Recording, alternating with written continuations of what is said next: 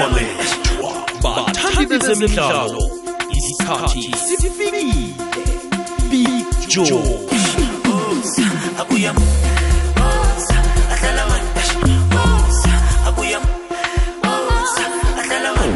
fulela wanethwa kukwekwezi fm lihlelo lakho lithandako ihlelo lezemidlalo emhathweni kwekwez FM ngiyakwamukela mlaleli ngiyakulotshisana. Namhlanje ngithokoza ukuthola ubeke indlebe sekelo lakho angilinyazi nakancane. Zinenge into engathani uyazenza nje eh, kodwa na ukhethe ukuthi uzokuditsha nathi eh, sidembe indaba zemidlalo. Siyathokoza kulezo ndawo. Na uthoma konke namhlanje ukulalela ihlelo ngabe usachita ufike ekhaya kazi siyakwamukela nawe.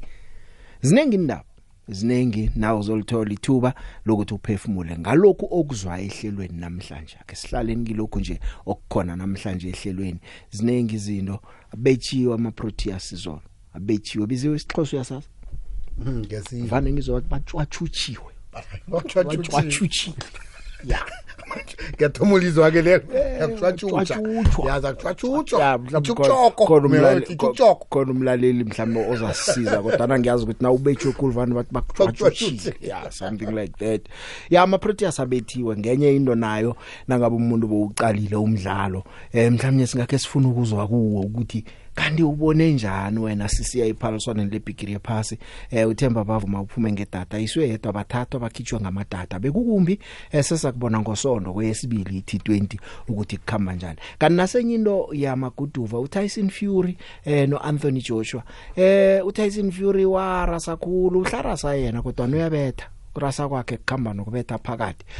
Wathi ngomvulo ngibapitch udate nje sekathe ngolosine bangasayina utsho namhlanje ipi yaliswa asazi ukuthi nangambala vele uyalisa namtjana ucreator nje ihype yokuthi mhlana balwala ngoDecember wonke umuntu athi ngifuna ubabona ukuthi basebenza njani. Ngezinye zezinto ngiziphathele zona ehlelweni sinaye sinaye nathi la eh, umbethi maguduvo osuka ku cruiserweight ochinge lapha ke ku heavyweight eh, ngikhuluma la ngo Kevin Larena uKevin Larena ulwe kabili kuphela ku heavyweight uzithumbile izipi zombili esekakhulumisa ukuthi manje ufuna ukuragaraga mhlawumnye nangaba nezipinyana zibe ndathu zibe zine esekangayo kulwa lapha afune unongorwana wepass kanti sizitshejile ke nezika Lewis Hamilton na umlandeli wemotor racing na namhlanje siyakufuna. Eh, na umuntu wetennis nakhona na namhlanje uJokovic. Eh ukhulumisa indaba ukuthi akazi ukubeka phasi ukuthi uRoger Federer ubeke phasi yena usesenenkhuluphelo ezikulu. noPitso Msimane sizwa ngayeke ngaphambi kokuyokthoma umsebenzi omutsha eh lapha ke e Saudi Arabia.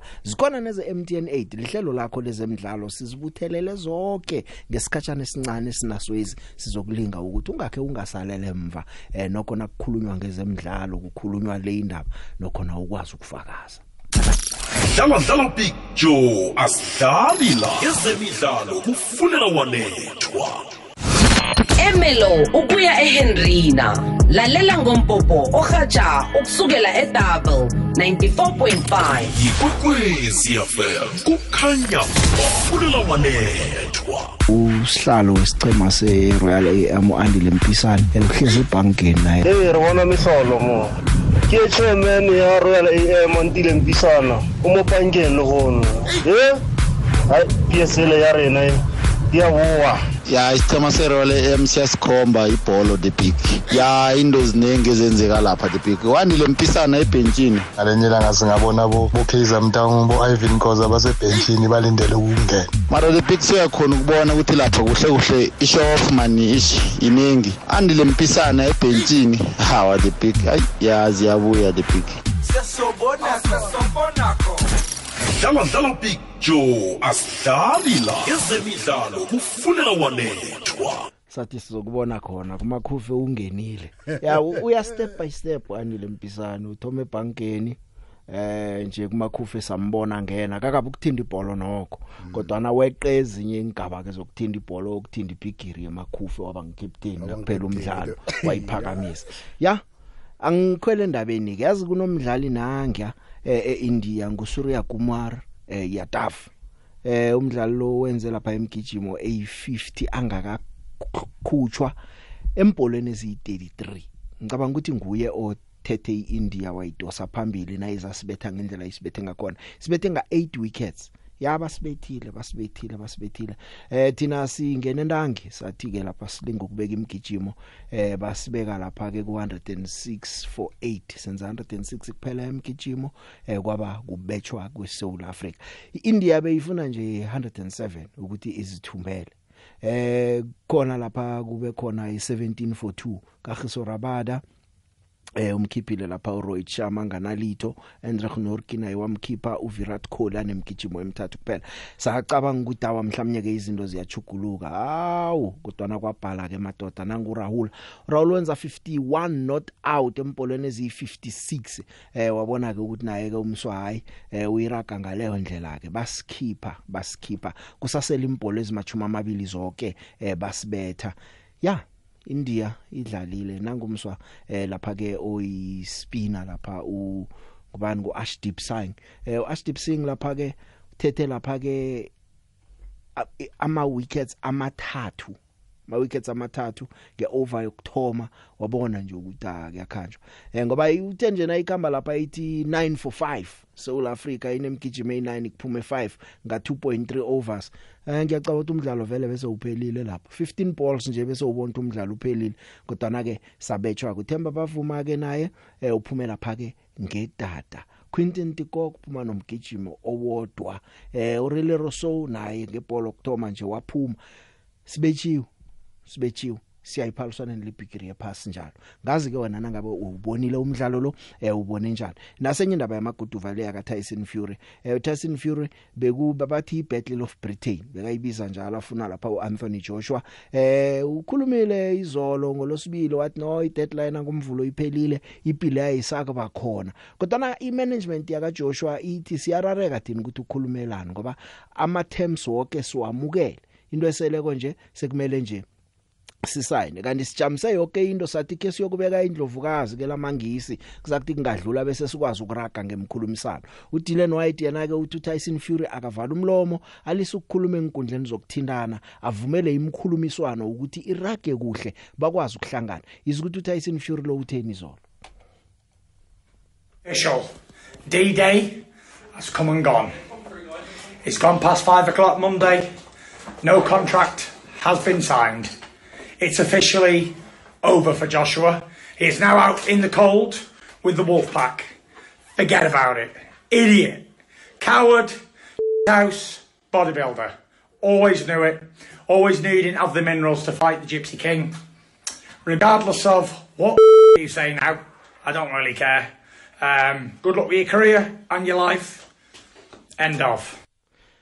Ya ngu, ngu Tyson Fury. Na umthando zamaguduvu zokwazi ukuthi Tyson Fury ungamqala umnyazo ukuthi ngasuthi eh azitsho zonke kodwana nakafika lapha wenza into enye yenzeke. Eh njeke batsho ke uJoshua akanikele abantu beBritain into abayifunako atlikihle icontract balwe ngoDecember utsho njalo. Eh wampha wathi abeke ngomvulo. Eh njeke ku social media uthengi banikela tot ngolosine godu.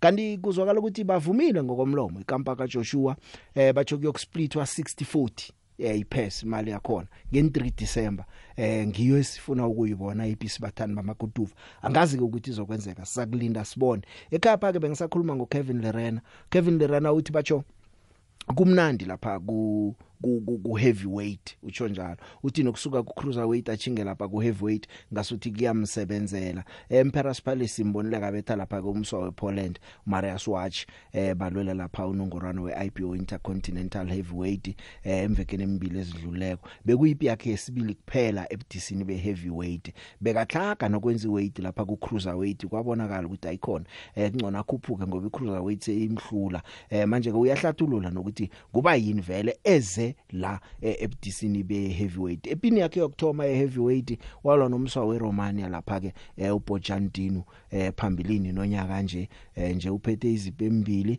uthi bathi ufuna ezinye kodwa uzilandelane besa challenge unongorwana wephasi. Uthi ufuna ukuba mseul Africa okthoma ngemva koGerry eh, koCorey Sanders. Corey Sanders ngo 2002 eh, wa challenge lapha unongorwana we heavyweight solo kwagcina lapho naye uthi nje ngifuna ukuba mseul Africa okchallenge ibhande lephasi le heavyweight weight. Eh kanti ke ukhumbula ukuthi ku heavyweight kunomswananga weUkraine bambiza ngo Iron Man Alexander Usyk. Phethe amabhanda amathathu heavyweight WBO IBF ne WBA ukhona lapha ke eh, uTrevor Ba- Bryan. Eh uthe- Trevor Bryan eh uphethe lapha weWBA kanti ku WBC kuTyson Fury lo manje asazi ukuthi uLerena Khan uza kulwazi thola izipezo bese uyayithola ishot yokuthi akulwe na akulwa nomunye wamadoda engwabala kola ke sizwe ngaye ukuthi uthini yena? Uh, heavyweight division is a tough division. There's a lot of big names and strong, big guys. But you know what? You know, if you don't challenge yourself or test yourself, then you're never going to get better in life or improve or evolve. So for me, it's been a big step up going up to heavyweight. But we came off a knockout victory in March, and then we went the distance with Marius Vach uh, on the 17th of September, and we won by unanimous decision. So our campaign in heavyweight is going good, and obviously the last eight years has been good for me as I am on a uh, winning roll for the past eight years. I think the main decision was. Um, weight, making the weight was becoming a big problem. You know, I naturally walk around at about 104 kilograms, which is about 230 pounds. And to make the cut to 200 pounds, which is 90 kilograms, is like a 12 to 14 kilogram weight cut, which was doable, but at what point is it going to become unsustainable and, and not good for your performance? So that was the first decision. And then the other decision was I feel that the cruiserweight division is a very stagnant division. There's not much happening in the division. I mean, you got Makabu and Akoli and uh, Braders who just lost to Opatar, but they're not like the biggest names in a sense of revenue. So I think if you look at the heavyweight division, firstly, the monetary offers are a lot better. And secondly, there hasn't been much activity in the cruiserweight division. Um, Makabu fought Tabiso Mchunu, his last fight, and Makabu hasn't fought since then. And then you got guys like Lawrence Okoli, the WBO champion, he hasn't fought since February 2021. So to be honest, this division is stagnant and there's not much movement or much fights happening. So I feel the move to heavyweight was not just because of weight issues, it was also because of fights. There's fights to be made in the heavyweight division. There's more monetary offers down the line, and obviously it's the glamour division of the sport. Yeah, Big Show, kunjani kunjani tata ukhuluma noChipha emthatha ukhuluma noChipha emthatha Hey ya tata kumnandi khe uzigehle ngelinye ixesha kumamela abalandeli kumamela abalandeli nami ndike ndazigedla khe ndazigedla namamela mhlekazi wami. Into edala uba ke ngoku ndibe ndikhe ndingene namhlanje because nangoku ndisafuna ukhe ndiphinde nam ndimamele abalandeli mamele ndikhe ndibaphe itshansi yeyokuba nje eli gama uthi ukutyatyusha yho hayi unyanisile xa bebethwe kakhulu batyatyushiwe batyatyushiwe utishala wethu edla ngokusho friday xa siphume esikolweni. Athi he ongayenzanga nje itest ile nto ka- eh, i-homework yam angafundanga netest yam ndizomtywatyusha. Utywatyusha kukulethwa Ha, injalo tata enkosi ke big show enkosi tata ndiyabulela Emelo ukuya eHenrina lalela ngompopo ohatsha ukusukela eDouble 94.5 ikwekwezi fm kukhanya ba fulela wanethwa.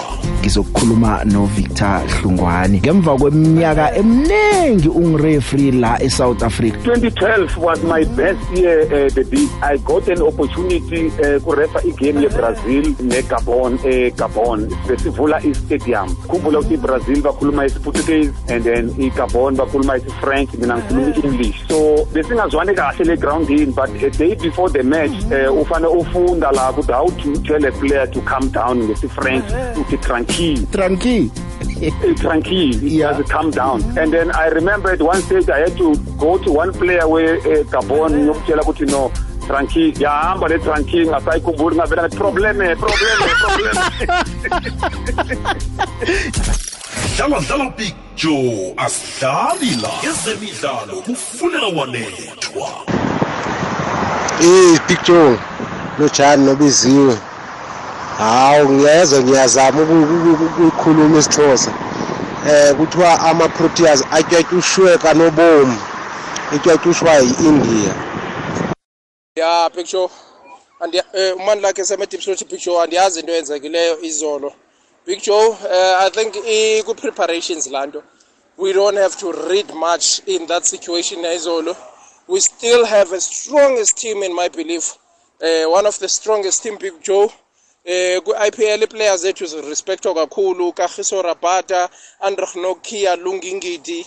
And then we have uh, number one spinner in the world uh, ushamsi we still have uh, ukish kumaharaj big joe uh, that team in a balance enye and there's the young boy Utrition Stubbs the most expensive player kwi kwi MSL Big Joe uh, no Lento no no no Miller. These players were performing highly in the IPL Big Joe uMiller won the IPL for a team yakhe yase India so whatever happened yesterday abantu ba they don't have to look much and blame someone like uBavuma. Ayinguye yedwa. Abantu abafana no Quinton de Kock everyone know what uh, Quinton de Kock can do. Everyone knows what uh, David Miller can do. So Joe uh, I don't want people to buy much uh, kule performance yayizolo and blame abantu abafana nabo Themba and for Themba it's time for him to prove himself. There's the stage is a World Cup uh, napha eIndia Big Joe so utywatyusha Big Joe xa ubetha umntwana ngeswazi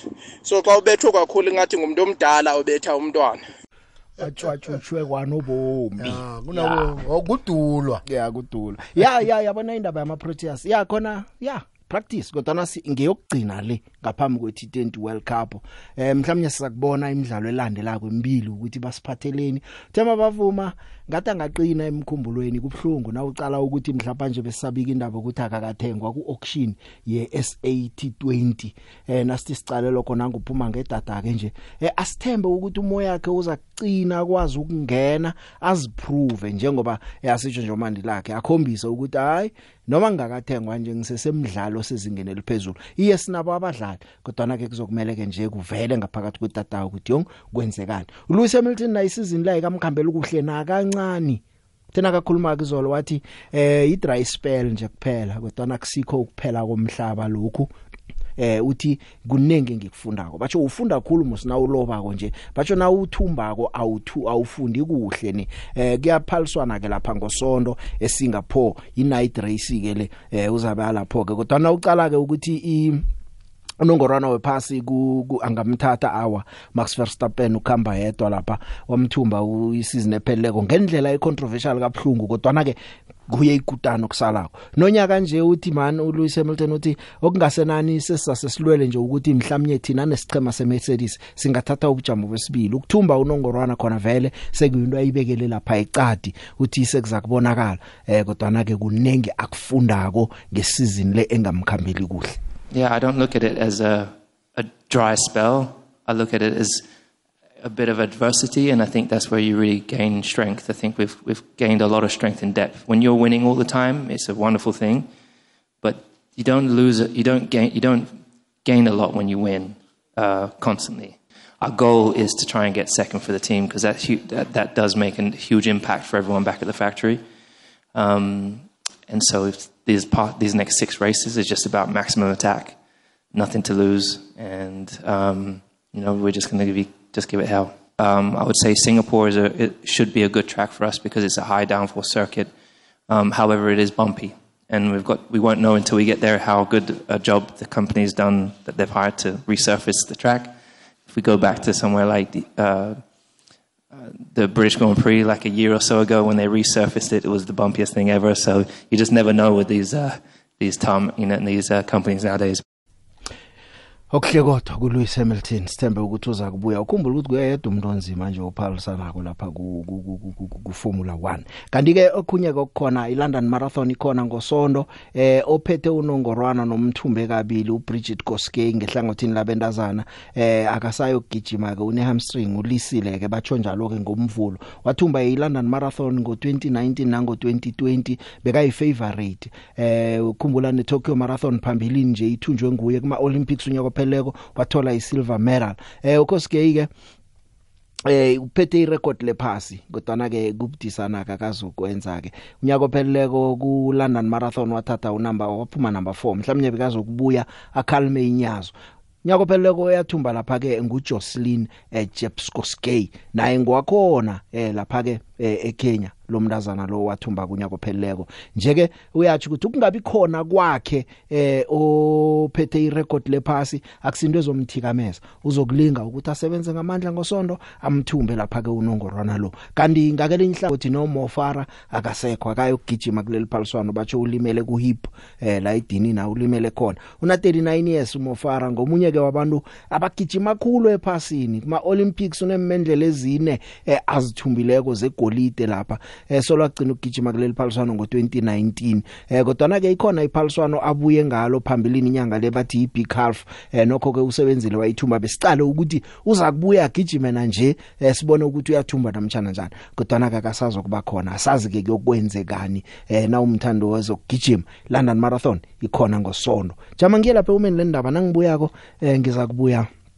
Ngaye umntazana lo eh uJeb Koskey sizwe ngaye ukuthi amalungiselelo wakhe weLondon Marathon ngosonto akhamba njani phila njengomuntu osemkhanyweni ngombana mkhanyo oletha ukuphila mindset now is to concentrate on Sunday, uh, to do my best. I have no, uh, there is no change or any impact about uh, uh, about this year. Um, I'm concentrated to do well on Sunday. Um, for Sunday, I would like to run my best. Uh, I hope I will run my seasonal best to lower my PP. zibuthelelwe zonke ehlelweni lezemidlalo ifulela wanethwa Come again.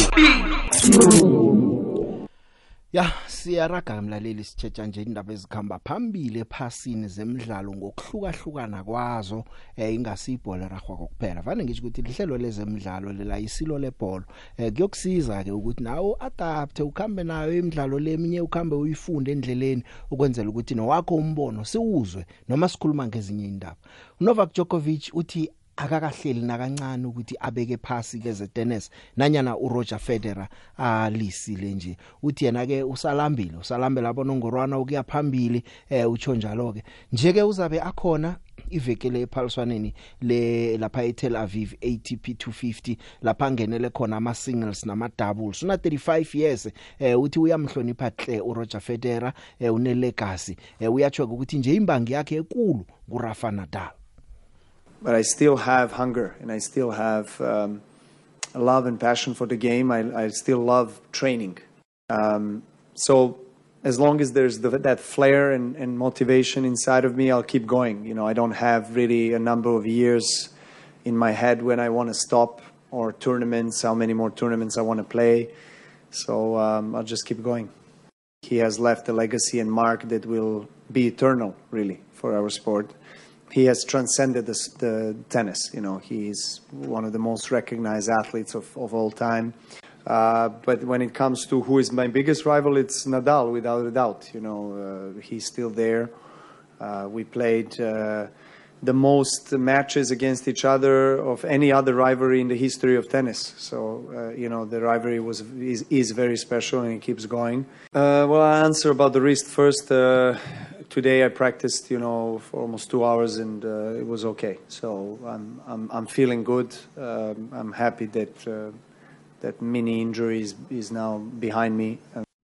The big ya hayi ngiyamuzwa umdlali wamaguduva obakhuluma la uyamuzwa ukuthi uyazithemba uyatsho ukuthi kuya kuyokudlula yena kuzodlula vele eh, zamaguduva zinkara ngokuthi wedwa lapha nombandula lakho kuphela kunamunye umuntu oza kuthi wena sikwele ethi ibholelo njengebhola liragwako nibaningi manje lokhu kuyangitshengisa ukuthi akathembeli ukuziberetshana ngomgede uzithembe yena nyamakhe. Funa njalo ene ngiyathaba nangizwa ukuthi zamaguduva ziyabuya ngakubusiyabuso namaphetelo zibe khona ngani ngoba nazo zamaguduva zingelinye ihlangothi elithabisa umphakathi namkha isitshaba sikazimu nabentwana bethu. Kuyatokoza Eh Big Joe nobiziwe ngiyanibingelela. Unibingelelayo usibhamu ngakayende ophongolo.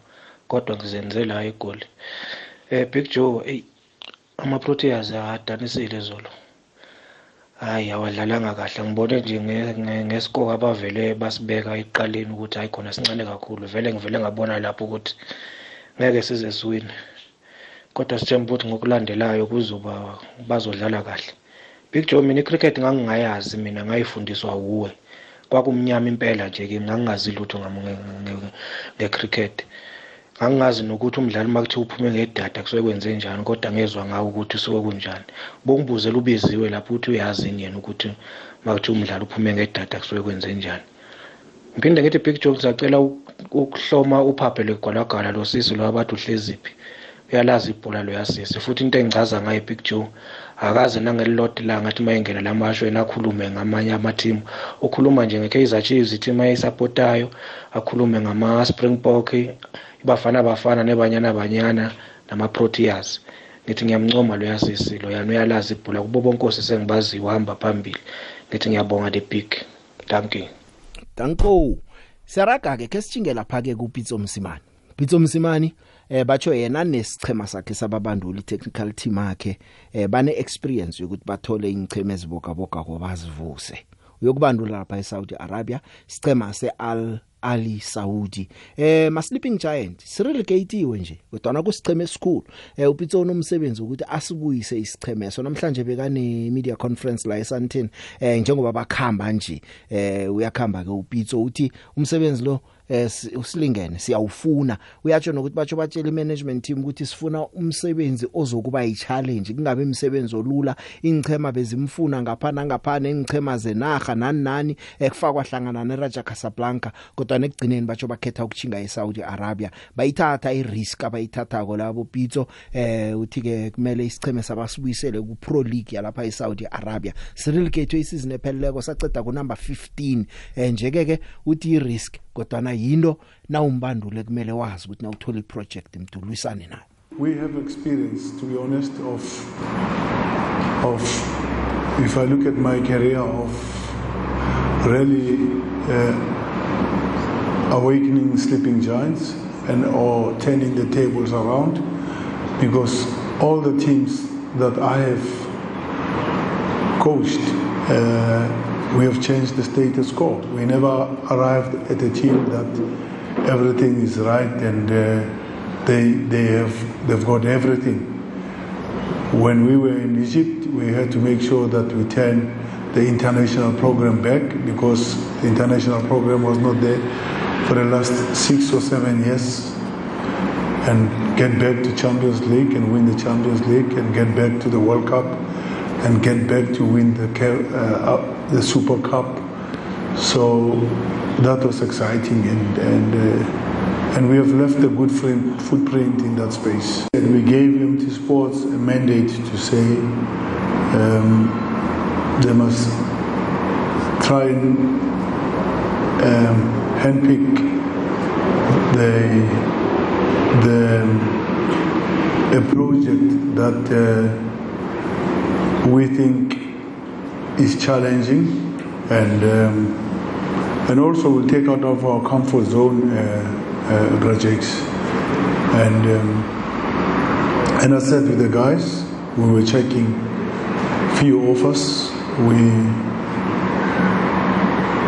we looked at the league we looked at uh, the expectations. And uh, it's also making history for us and, and keeping our legacy uh, in that space in the Middle East. So somewhere, somehow, you you can coach a team in the Premier League that is, num, for example, sitting on position 12, and then you go to position 8 at the end of the season. Really, okay, you are in the Pro League, but how big difference can you make on that? So we felt this this one is a is a big club. It's amongst top four big clubs in Saudi, and um, the exciting is, thing is, and I would say also a little bit of a risk. Uh, that you have to take this team back to the Premier League because nothing else. We have to take that team to the Premier League. That's our mandate. That's why we're going there. And um, how beautiful will it be uh, for the city of Jeddah? You must understand how big that city is in Jeddah. It's a big city. I think it's the second biggest city, if I'm not mistaken. I'm subject to be corrected.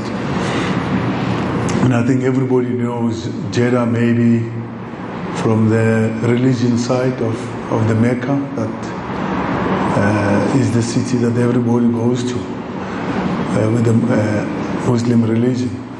So we felt to be wonderful to bring, to make history and uh, give the people of Saudi uh, Al Ahly back into the Premier League. So we felt this is more challenging for us, and uh, yeah, of course, ri- risk, but a very good risk. akube nomkhanyo fulela wanethwa Mofara eh abaningi bayamazi abathandi bezemidlalo bayamazi kwalapha eBritain umso ugijima kwamanikelela amabanga amade akawezwa. Uthi yena ke walethwa eBritain asuka lapha eJibouti kanti ke uyakhuluma nokuthi igama lakhe lajugululwa nabamenzela amaphepha okungena bambiza ngoMofara yena nguHussein Abdi Kahin nangu Mofara nakakhuluma indaba ke Tluisako ni. Most people know me as Mo Farah, but it's not my name or the real story is I was born in Somaliland as Hussein Abdi Kahin. I was brought into the UK illegally under the name of another child called Mohammed Farah. I know I've taken someone else's place, but and I, I do wonder what is Mohammed doing now. ngiyo ke indaba yaka Mofara njengoba sesimazi nje dlala dlala big joe asidlali la ezemidlalo kufunela wanethwa phakathi ko-90.6 no-107.7 fm uthola umrhatsho okukhanyisela ngamalanga. Ikwekwezi fm kukhanya ba. The big unjani? Eh ke sithokozise u upitso msimane ngombereko awutholileko wena the big kodwana ayi inarha yakiyo leya wena the big ino- inobuhlanga khulu. Angibazi ukuthi bayomphatha njani mara ayi, angikholwa ukuthi uyokuphatheka kuhle mana ngoba i- ezobuhlanga ezilapha zinengikhulu wena the big. Nade sithokoza ukuthi uthole umbereko simfisela ukuthi aphatheke kuhle wena the big. Ut- upitso msimane urepresenta thina eh i-country south africa wena the big. Siyamthokozisa. Ngithi no uzimabe naye wena the big. Ukhuluma nothepha kwasifala kwamhlanga. Usekawile-ke u- upitso neti inarha yakiyo leya ku-champions league ayisi ayi- ayiperforme kuhle. Ngiyathokoza. Akwande the big. Eh nango river ngedenilton the big izolo mawu- mawubiza i- i-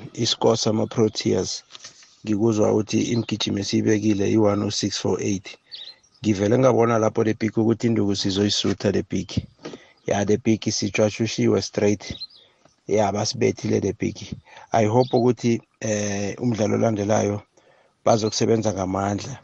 Indlela ebes- e- ebesibhetha ngayo the big bengasihle khulu. Ngibonile nje indlela esiphuma ngayo siphuma lula the big ama-cash abelapha the big ngibonile nje ukuthi hayi no bayasihlula abaswala bebeba- bebabola the big ama-cash namadata no kumele baberege kanzima eh sizokhona ukuthi umdlalo olandelayo siwuwine the big eh ngithokozisa upitso msimane nethimba lakhe. Yabona the big ipilo nawufuna ukuthi ikhambele kuhle you must start by believing in yourself. So upitso ngendlela enza ngakhona le big ngimfisela kokho kuhle eh akakhambe ayokuzama eh kungenzeka ayibuyise isichema kuleague ekulu. Ngithokoze uriver ngedenilton akwande big joe. Eh big joe ngithi ngifisela nje ubaba upitso msimane okuhle kodwa le eSouth Arabia yakhona big joe. Sengathi team leyo ecoacha angayikhuphula lapha ku second division. Ayise ku top flight big joe ayibuyisele la ibelonga khona because uyabona ukuthi ungucoach onesibindi owaziyo big joe ukuthi umsebenzi kungukuthatha ama risk ngimfisela kule risk ayithatha big joe ukuthi abe nempumelelo. Again more experience enza abo coach bethu babonisa nabo kancane kancane ukuthi bayaphuma ecountryni bayosebenza kuma country angaphandle ngicabanga ukuthi lokho bakulanda ngaphandle big joe ngokuhamba kwesikhathi kuyosiza isafa nebafana bafana ngeexperience abayithola ngaphandle eh isafa igcina ibathathile mhla- maybe babuye bazocoacha la ekhaya maybe bafana bafana kukhona la engakhona ngiyabonga big joe usidudla Mahalo mahalo Big Joe. Uthatha nomsongo Langaville extension 4. Big Joe eh eligama lokutyatyusha Big Joe libuye esixhoseni Big Joe. Umuntu xa ebethwe kakhulu eshayiwe ngokukhuluma isiZulu. Xa kuthiwa kutyatyusha umuntu obethwe kakhulu Big Joe. Akabethwanga nje esin- esincinci. Bethwe ngescore esikhulu kakhulu. yiyo ke lama ama-proteas axwatyushiwe big joe abethwe kakhulu big joe ndiyabulela enkosi the big ngiyalotshisa ninobiziwe kwekwezini olotshisako ngusosteven uhipho kamathibela edwefontein e big joe big joe ngithanda ukuthokozisa upitso upitso eh ngokuthola umberego omutsha kuyatsho ukuthi la eSouth Africa sine coach ekulu efana nopitso eh thana abanye bangafunda njengopitso babekezela amakhojara big joe ngiyathokoza eTofontein E nguhappy wakamathibela uso Steven. Bye bye Thobela Big Joe ke kabelo ka jiri ka Pretoria what's up Big Joe? Ama-best man ethu ama-proteas Big Joe. Ama-opening batsmen they always collapse. Lapho sibadinga kakhulu Big Joe. If you check i-top five yethu most of them they can't even make ama i-50 runs so uyibuze ukuthi yini le ma-training bayihlalela? Because if you check ama ama-bowler sethu bayenza umsebenzi omuhle kakhulu Big Joe. But top five yethu they always disappoint us. Uyabona i-proteas amanye ama-chokers lawo. Bile angiphuphi ukuthi one of the good days bazothumba bazothumba ibhegeri lawo. Banofana nabafana bafana noma bona asikhulumi ngabo isikhathi esiningi but i don't see us nama-proteas going anywhere. They always like angazi. Ngiyabonga. Eh sabona pijo. uMike la eRunback. Hayi pijo yabona eh ama player wethu we cricket eSouth Africa. Ngathi picture mawuthulubheke ema Proteas. Sigudi kuma eh test series. Eh not ma ODI nama ne T20. Kwama mathulubheke leyo siluze igame ngakhona picture. First overs kuama wicket ayi-3 that shows ukuthi bebekhohliwe ukuthi mhlawumbe basegrawundini bebecaba ukuthi badlale i-odi i-test match uh, or yeah, i-test match bangacaba ukuthi mhlawumbe baku-t20 ngoba t20 is only 20 overs. And over eyi-one ithatha six balls. So which means nge-first over amabhola okuqala lawa. Ayi-three kuwe ama-wicket ayi-three so that's a poor performance picture that shows ukuthi that's why singaphumeli ku-world cup ngoba eh kuma-odi ne-t20 siyahluleka ikwekwezi fm middleburg namaphethelo 91.8 fm ngesikhathi sisamakhasa nokuqiniliswa kwegezi umfuthumalo ngowelwazi nethabo elilethwa yikwekwezi fm kukhanya ba sesiyangekolusongeni ke ihlelwa ngikutshela ukuthi umbandulo webanyana banyana uDesirelise eh usimemezele isichema khamba naso kuyokudlala umdlalo wobungane Australia eh lapha kulungiselelwa khona kuhle kuhle iphaliswano lebigiri yephasi.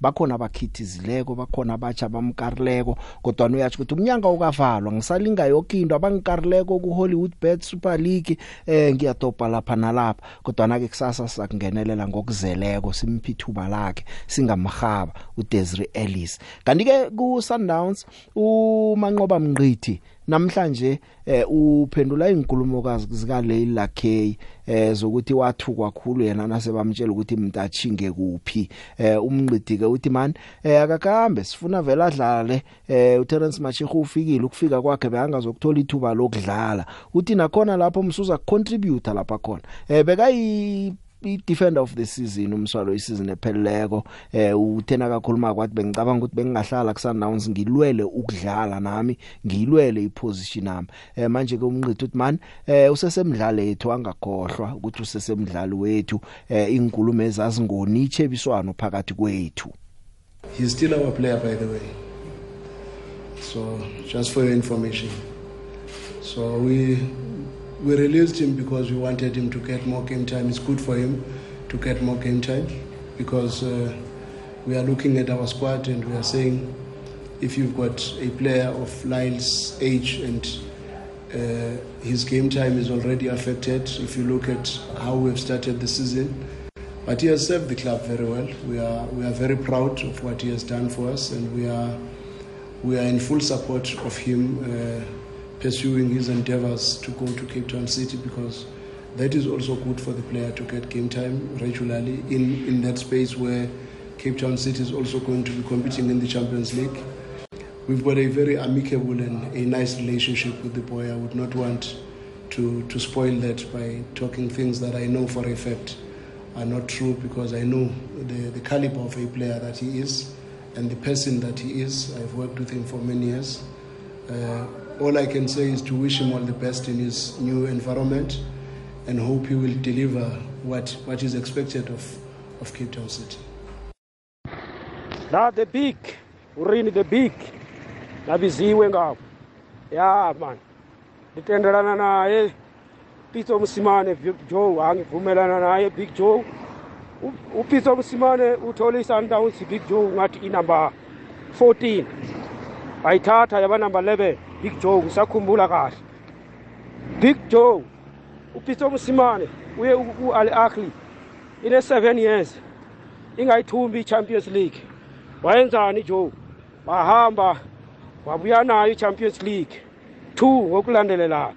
Manje big hayi Pitso nayo le club aye kuyo uzoyivusa the big. Uzozwa bathi ithathe number 1 promote iwe kusale ama gaming i7 or i5 pitso uyakwazi umsebenzi wakhe the big hayi ndiyatendelana naye.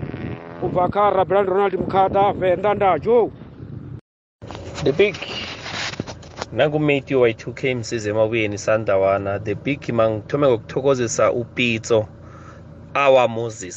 Simbiza kumoses sibalandeli be-sundown so wasikhambisa olwandle sisegibhide wena um eh, the big. Eh hayi nakusesichimeni sami semasandawana egemini ethu yakumgcibelo la sihlangana khona nezikamagebhula. Ha thina sithi siphethe iharika siyaharika sisayokuharika asisokulisa njena nje ukuharika the big. Ngiyathokoza. Wayethu khemzize emabuyeni sandawana the matthews ngiyathokoza.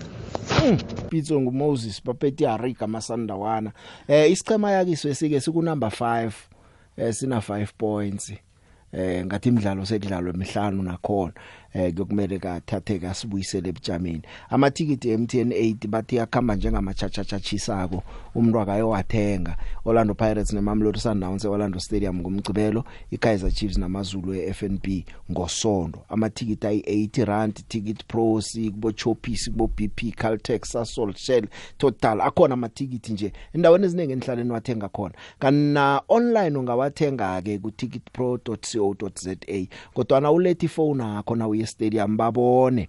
Display ticket elisefonini mobile device yakho. Wakhamba ol printer waphathi A4 uzokujika. Batsha bazolithatha eh bathi bokusebenzisana amaphoyisa ukuthi indo zonke zichelele kanti ngaphanga kuOrlando Pirates uJose Ribeiro umlandeli wesicema umbanduli wesicema seOrlando Pirates uthi uGemist Erasmus uavailable for iselection nakudlalwa neMamelodi Sundowns.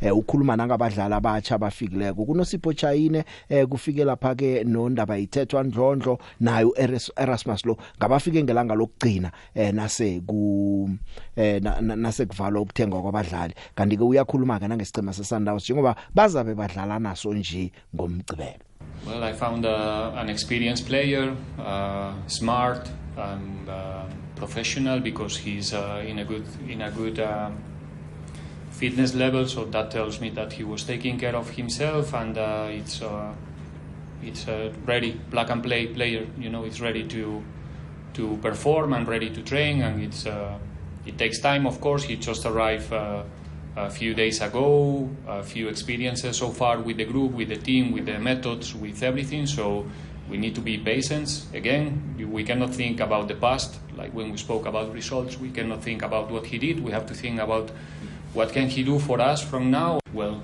happy with the new recruitments. Uh, we have a we have a group of players who already have been doing the things very well, and now we have three more who who are coming with the intention to help us to do the things better, to be part of, uh, of uh, like I said, a good collective, uh, and they will they will give us uh, some some new new tools to to try to continue winning games, and uh, the adaptation is going uh, so far so good.